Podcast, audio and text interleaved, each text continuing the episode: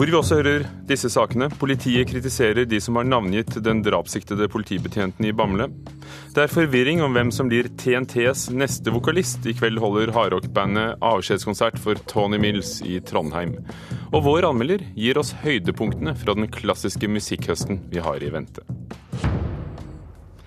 For to dager siden identifiserte både VG og TV 2 politibetjenten som er siktet for drapet på en kvinne på Brevikbroen i Bamble.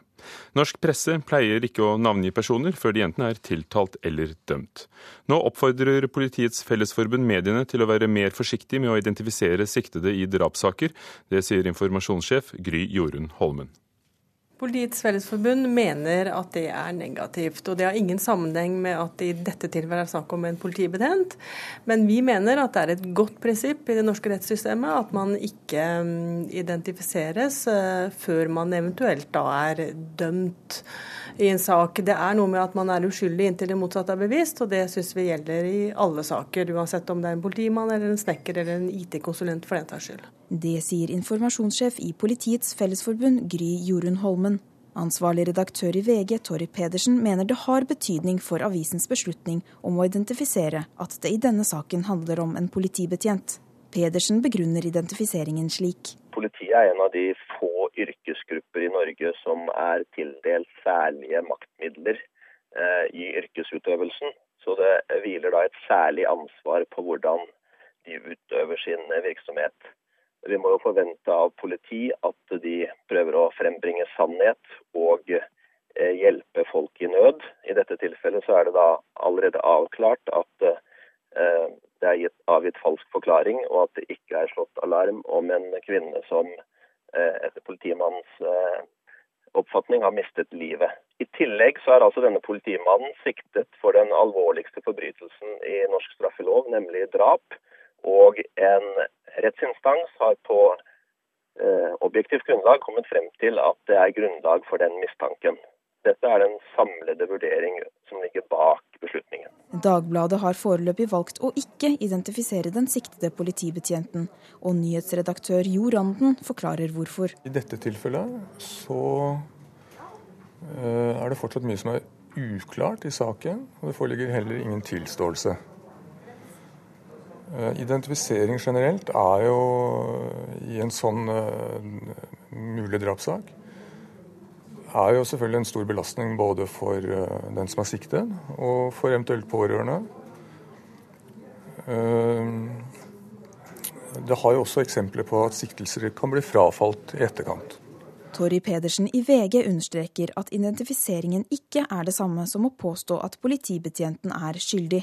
Det må jo være i alles interesse å avklare hva som her har skjedd, slik at også renvaskelsen av politimannen vil bli tydeligere, hvis det blir konklusjonen gjennom identifikasjonen.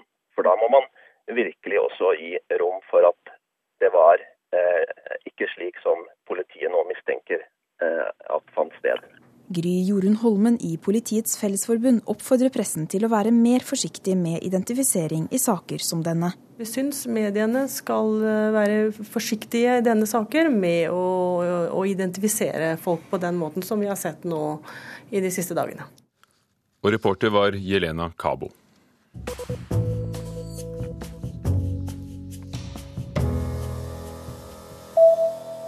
Et overveiende flertall av ledere for norske, Norges fremste kulturinstitusjoner ønsker en rød-grønn regjering. Det viser en rundspørring Morgenbladet har gjort. Av de 18 lederne avisen har snakket med, har to borgerlig partitilknytning. Det er riksantikvar Jørn Holme, som er medlem av Venstre, og Kulturrådets leder Yngve Slettholm, som er medlem av Kristelig Folkeparti. Nationaltheatret har fått rettighetene til å lage teater av Karl Ove Knausgårds romanverk 'Min kamp'. Det skriver Aftenposten. Det er ikke klart hva teatret vil gjøre med historien, og de vil heller ikke fortelle når en eventuell forestilling kan få premiere. Og etter tre filmer med Christian Bale i rollen som Batman, er det nå klart at Ben Affleck blir neste skuespiller ut bak flaggermusmasken. Affleck skal spille den kappekledde helten i oppfølgeren til Supermann-filmen Man of Steel, Stålmannen, som er sett av over 170 000 på norske kinoer i sommer. Den neste filmen om Lynvingen, som vi pleide å kalle ham, Batman, kom på kino i 2015. Med de tre kritikerroste filmene om Batman på 2000-tallet steg interessen rundt eh, figuren til nye høyder, og den siste av de tre filmene er den niende mest innbringende kinofilmen i historien.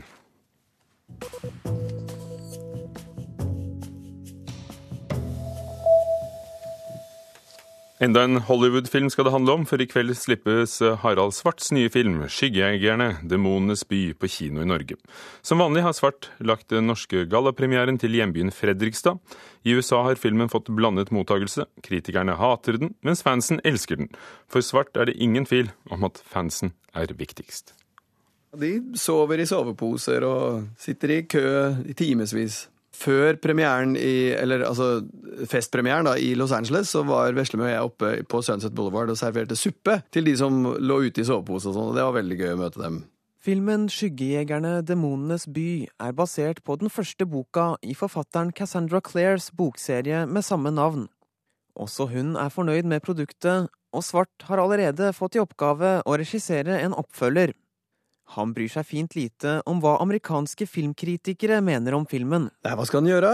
Er, jeg lager en film som jeg tror på, og som jeg liker, og det er jo en uh, sjangerfilm. Jeg leser ikke kritikkene, og hvis det er noen som har noe jeg kan lære av, så prøver jeg å ta med meg det, men utover det så jeg, gjør det meg ikke så veldig mye, egentlig. Tradisjonen tro tar regissøren med seg et knippe av filmens store stjerner til den norske gallapremieren i hjembyen Fredrikstad og ifølge Svart var det ikke vanskelig å overtale. Altså Etter Karate Kid så har det blitt noe veldig eksotisk. Jonathan Reece Myers eh, har ikke vært på noen andre premierer, men Norge, det skulle han være med på. så det har, det har, faktisk blitt en veldig jeg, jeg, sitter og gjør intervjuer i Jeg tror jeg var i Toronto, jeg, og så sitter altså journalisten og sier And then you go to Fredrikstad. så de har liksom måttet lære seg å si Fredrikstad. Det er morsomt sa Harald Svart reporter Hermund Lybekk Kjernli. Og Harald Svarts eh, nye film 'Skyggejegerne demonenes by' ligger imidlertid i land til å få en skuffende start på amerikanske kinoer. Det skriver nettstedet Box Office Mojo, som analyserer nettopp det amerikanske kinomarkedet.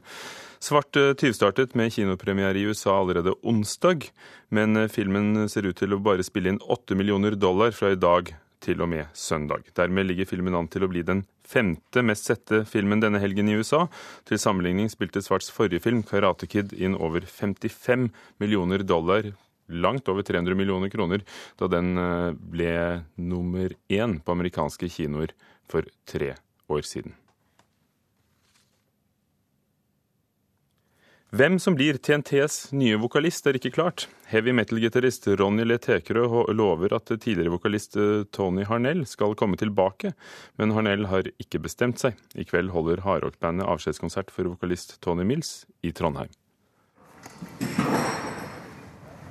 Nå er det lysrigger som heises opp, og på topptårn. Det sier gitarist, komponist og produsent Ronny Le Tekerø, som har spilt i hardrockbandet TNT siden 1982.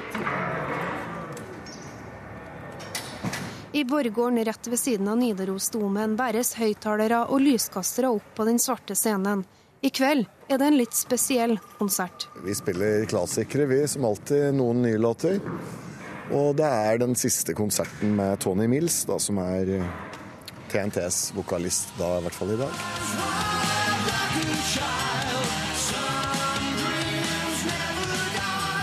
Tony Mills kom inn som vokalist i 2007 og har nå valgt å forlate bandet.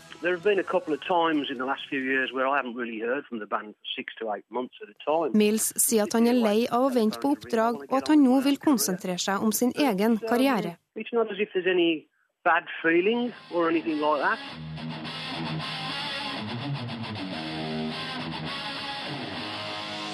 TNT ble født tidlig på 80-tallet, og det tok ikke lang tid før Tony Harnell fra USA ble bandets frontfigur.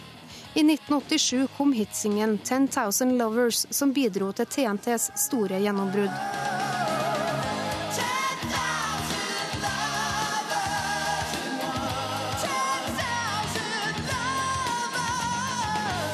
Harnell forlot TNT i 2006, og nå når Mills takker for seg, har Tekrø klare planer for fremtida. Tony Arnell kommer tilbake inn i bandet. Vi er i, i, gode samtaler om det, og det er vel så å si avgjort. Så da kan jo folk glede seg til den originale besetningen.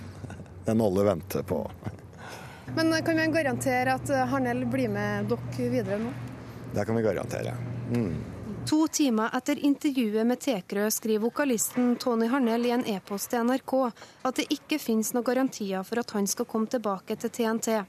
Harnell skriver også at han ikke har lagt noen planer, og det er mye som må ryddes opp før han blir hardrockbandets frontfigur igjen.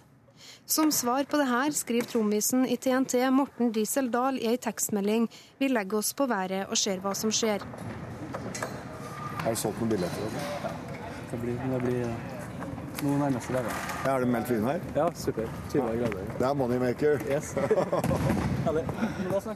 Ifølge musikkjournalist i NRK Tor Otto Mjelde er TNTs storhetstid forbi, uansett om Harnell kommer tilbake eller ikke. Jeg tror at uh, TNT-toget sånn ute i verden og uh, som kommersielt stort band har gått for mange år siden. Uh, det er andre som har tatt over der. Men det avviser Tekrø blankt. Eh, vi gir oss ikke. Vi, eh, jeg tror vi fortsetter sikkert en 10-15 år etter Hellbillies og Vampa har gitt seg. Jeg ser for meg at TNT i løpet av fem år er et av verdens ledende old school tungrockband.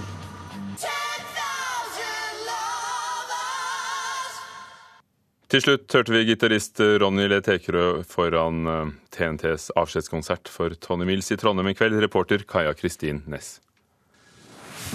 17 minutter over åtte, Kulturnytt i Nyhetsmorgen i NRK P2 Alltid nyheter, som har disse overskriftene i dag. Velferdsordningene bør strammes inn, mener over halvparten av de som ble spurt i en ny undersøkelse. Soningskøene er tre ganger lengre nå enn for fire år siden. Og senere i Kulturnytt om arkitektur og valgkampboder. Men først klassisk musikk.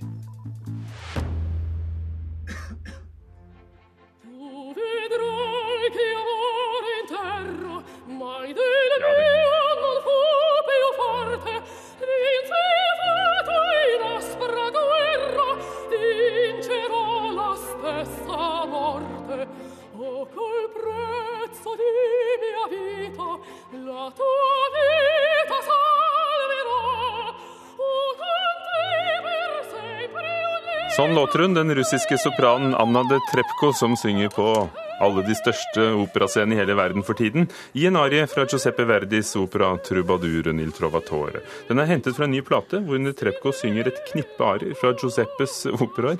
For i utlandet er nemlig Verdis jubileum veldig feiret i år, og det gir en platehøst med mye av Verdis musikk. Ikke sant, anmelder Øystein Sandvik? Jo da, det stemmer det. Altså, Høsten vil jo da domineres av Verdi-utgivelser frem mot 200-årsdagen eh, for eh, komponistens fødsel, som er 9. eller 10. oktober, man er ikke helt sikker.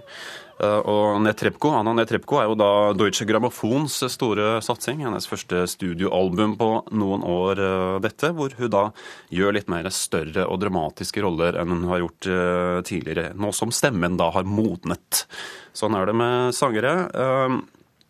Andre highlights er den tyske tenoren Jonas Kaufmann. er jo definitivt det hotteste tenornavnet for tiden. Kommer også med en sånn Verdi recital-plate. Hele rekka med kjente og kanskje litt mindre kjente Verdi-arier. Han har også modnet seg litt. Det er noen år siden han var ung og lovende. Ja da. Uh, også, men ikke minst så har vi da Placido Domingo, uh, som har faktisk rett og slett skiftet stemmefag på sine eldre dager og gått over til, uh, switcha over til bariton. Uh, gjorde dette for noen få år siden uh, i en forestilling ved Royal Opera, hvor han sang Simon Bocanegra som, uh, som bariton. Og kommer nå med en hel plate, en verdig-plate med barytonarier. Så det blir jo da interessant å høre. Så her, her, er det jo selvfølgelig de store sangerne som står i sentrum, men det er også heldigvis et par litt større utgivelser, bl.a. en stjernespekket innspilling av Rekviem fra La Scala med Barenboim i spissen. Kaufmann også med der som tenor. Og så er det da Simon Boccanegra. Ikke den med Domingo, men en ny innspilling med Thomas Hampson i tittelrollen. Så det er store navn og stor musikk. Og selv om det er et jubileum for Giuseppe Verdi, så er det altså ikke så mye Verdi å se på de norske operascenene denne høsten? Det er fint lite, faktisk. Det er avantgarde-operaen som råder, i hvert fall her i Oslo. Og det begynner jo da allerede første helg i september under Ultima-festivalen med Le Grand Macabre av George Ligeti. Eh, dette er jo kanskje den viktigste opera etter andre verdenskrig, og definitivt en begivenhet. Eh, det skal bli spennende å se. Dette er en sånn spansk regi eh, som, Det er et sånn spansk regiteam som har gjort denne forestillingen. Den har allerede vært land og strand rundt i ja, Sveits, England, Danmark, men nå kommer den hit, og det blir morsomt å se. Og navnet er jo en vi har vært borti før i Norge. Calixto Beito. Ja, altså nå eh, snakker du om en annen forestilling, tror jeg. For at det er eh, Offenbach. Eh, altså Og flere spanjoler, akkurat. Ja. Hoffmanns eventyr av Jacques Offenbach. Helt, helt riktig. Altså skandaleregissøren. Calixto Beito kommer i desember for å instruere denne operaen, så da blir det sannsynligvis avantgarde også da. Noen husker kanskje hans regi på Mozarts eh, bortførelsen fra Seraye i 2007, med brutale voldtekter og full frontal nudity på scenen. Så det gjenstår å se hva dette blir. Lenger nord i landet Eh, for nå har du holdt deg på hva som skjer eh, på Sør- og Øst- og Vestlandet. Hva, hva, hva skjer? Ja, jeg snakker ikke så mye om Sør- og Østlandet, faktisk. Jeg kan da nevne at Opera Vest i Bergen uh, satser på Beethovens frigjøringsopera Fidelio i november, mens i Kilden kan man se Bissets Carmen. Det er jo vold og sex der òg. Det gjenstår å se hvor mye det blir av det i regien. og hvis vi går nord til Trondheim, i hvert fall, så er det ikke så mye opera der. Men, men der fremføres derimot musikk av Verdi. Eh, komponistens monumentale rekviem kan man høre i Nidarosdomen i den, første, den andre helga i november med Trondheim Symfoniorkester, pluss da Nidarosdomens kor og med solister. Så det kan jo bli en mektig opplevelse med dommedagstrompeter fra alle kanter og hjørner i katedralen. Men det er mye sunget musikk du har snakket om nå, Øystein Sandvik, eh, i de andre sjangerne? Ja, altså for de som simpelthen elsker samtidsmusikk, så er jo da to av Norges viktigste samtidskomponister kommet med plater nå eh, i september. Det er Lars Petter Hagen, som er leder for Ultima-festivalen. Kommer en plate med hans orkesterverker med Oslo-filharmonien, så er det Jon Evin Næss, som altså var eh, Oslo-filharmoniens huskomponist forrige sesong, kommer også med en uh, plate med sine, noen av sine større verker. Det er med KORK, og den er også rett rundt hjørnet. Ellers så er det mye Brahms-utgivelser i høst. Uh, Ricardo Chailly, med hans Gewandhaus-orkester som han leder, kommer med en boks med alle Brahms-symfoniene. Og Så kommer de også med en innspilling samtidig av uh, fiolinkonserten med en gresk fiolinist som heter Leonidas Kabakos, som Dekka nå satser ganske tungt på. Eller Grimaud, en annen stor fransk pianist, kommer med innspilling av klaverkonsertene. Så for Brahms-fans uh, så er det mye å se frem til uh, der. Men vi avslutter barokt. Ja, vi avslutter barokt. Også På barokkfronten så er det da denne 1600-tallskomponisten Augusto Stefani som Cecilia Bartoli har liksom satt spotlighten på med sin utgivelse i fjor, 'Mission'. Så hun fortsetter i samme sporet her. kommer med to, altså På dekka kommer det to plater med musikk av Stefani. Det er Stabat Mater, et større vokalverk med Bartoli selv, som eh, fronter da en større eh, vokalkvartett. Og i tillegg en CD med orkestermusikk, dvs. Si overtyrer og dansemusikk fra Stefanis operaer med dette ensemblet i barokkisti med Diego Fasolis som dirigent. Øystein Sandvik, la oss høre på det, men alt i alt, det høres ut som det er en god musikkhøst i vente? Ja, i hvert fall for Verdi-fans så er det jo da mye å glede seg til.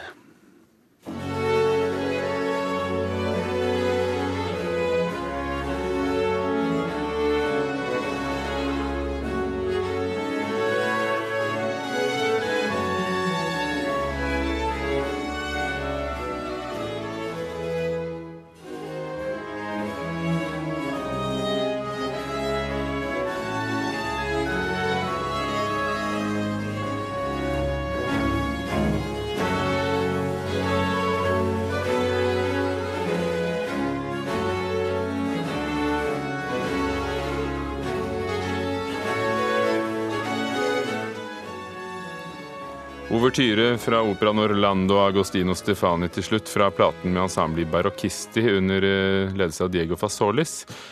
Som avslutning på vår orientering om den klassiske platehøsten, og litt om det som skjer på scenene.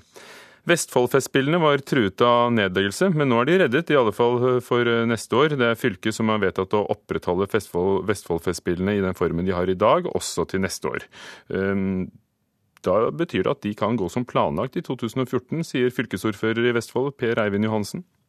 Ja, Det betyr at uh, Vestfoldfestspillene og styret fortsetter med arbeidet sitt også for 2014.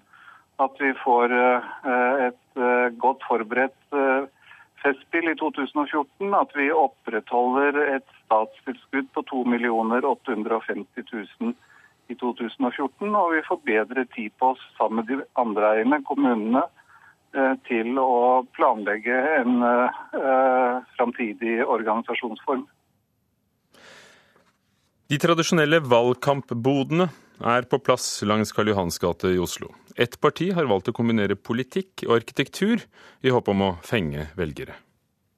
Jeg vil ha flere grønne tak i Oslo.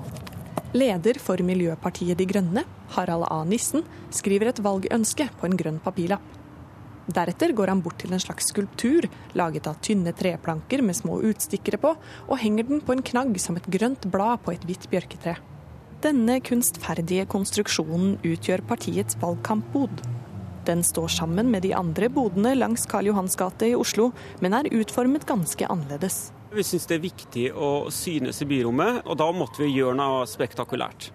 Vi ønsker å, å kommunisere med våre potensielle velgere, og den innbyr jo til å komme inn i skulpturen og komme inn og si noe til oss. Hva slags tilbakemeldinger har dere fått fra velgerne? Eh, mye smilende folk. Unger som krabber rundt på den. Eh, så vi føler jo at, eh, at Bussensjøen har på en måte gitt oss det vi håpa på vi kunne få.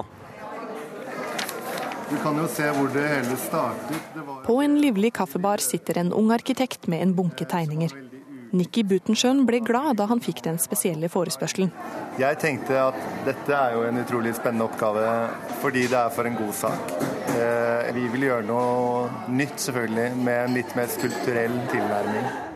Andreas Vaa Bermann er direktør for Norsk Form, og liker det han ser. Det visuelle er et eh, fint og originalt uttrykk på en valgstand. Det som er morsomt å se, er jo at eh, den står i veldig stor kontrast, og det skiller seg ut fra alle de andre partiene. Han mener at politikerne gjerne glemmer å tenke på god formgivning.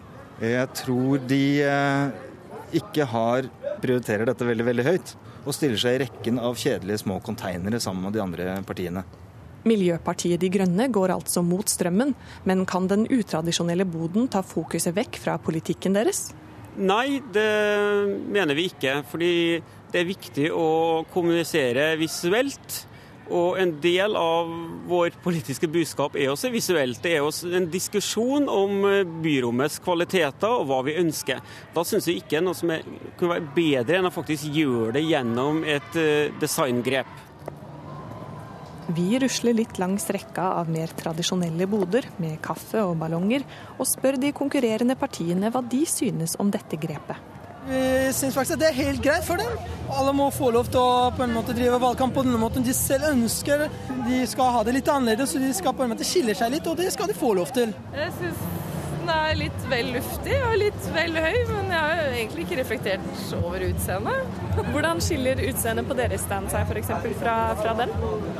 Ja, det skiller seg ikke så voldsomt, men vi har lagt vekt på å ha lett tilgang til materialene våre. da. Sånn at vi slipper å ha en liten bu hvor vi roter rundt oppi noen pappesker. Og hva synes de forbipasserende? Jeg syns jo det var litt gøy. Man blir jo nysgjerrig, så man må jo bort og se. Det er den mest spennende som er her. Den, eh, den griper blikket ditt i hvert fall. Den var litt finere enn de andre. Vet ikke, kan har fått litt mer kunst med seg, mens de andre bare har en, en firkanta liten bod. Det ser ikke ut som en eh, stand. Det ser ut som det er byggeplass. det er de som skiller seg ut, men jeg hadde jo ikke stemt for dem pga. det. Det hadde jeg ikke. Og reporter på Karl Johans gate, Synne Haugbråten Rustad. I Kulturnytt i dag har vi hørt eh, Politiets Fellesforbund kritisere mediene som har navngitt den drapssiktede politibetjenten i Bamble. Og Harald Svart har gallapremiere på sin nyeste Hollywood-film i Fredrikstad i kveld. Og vi gikk gjennom den klassiske musikkhøsten vi har i vente, og gikk du glipp av noe av det, hør det på radio nrk.no. Lars Tronsmoen var teknisk ansvarlig, Gjermund Jappé produsent, Ugo Fermariello programleder.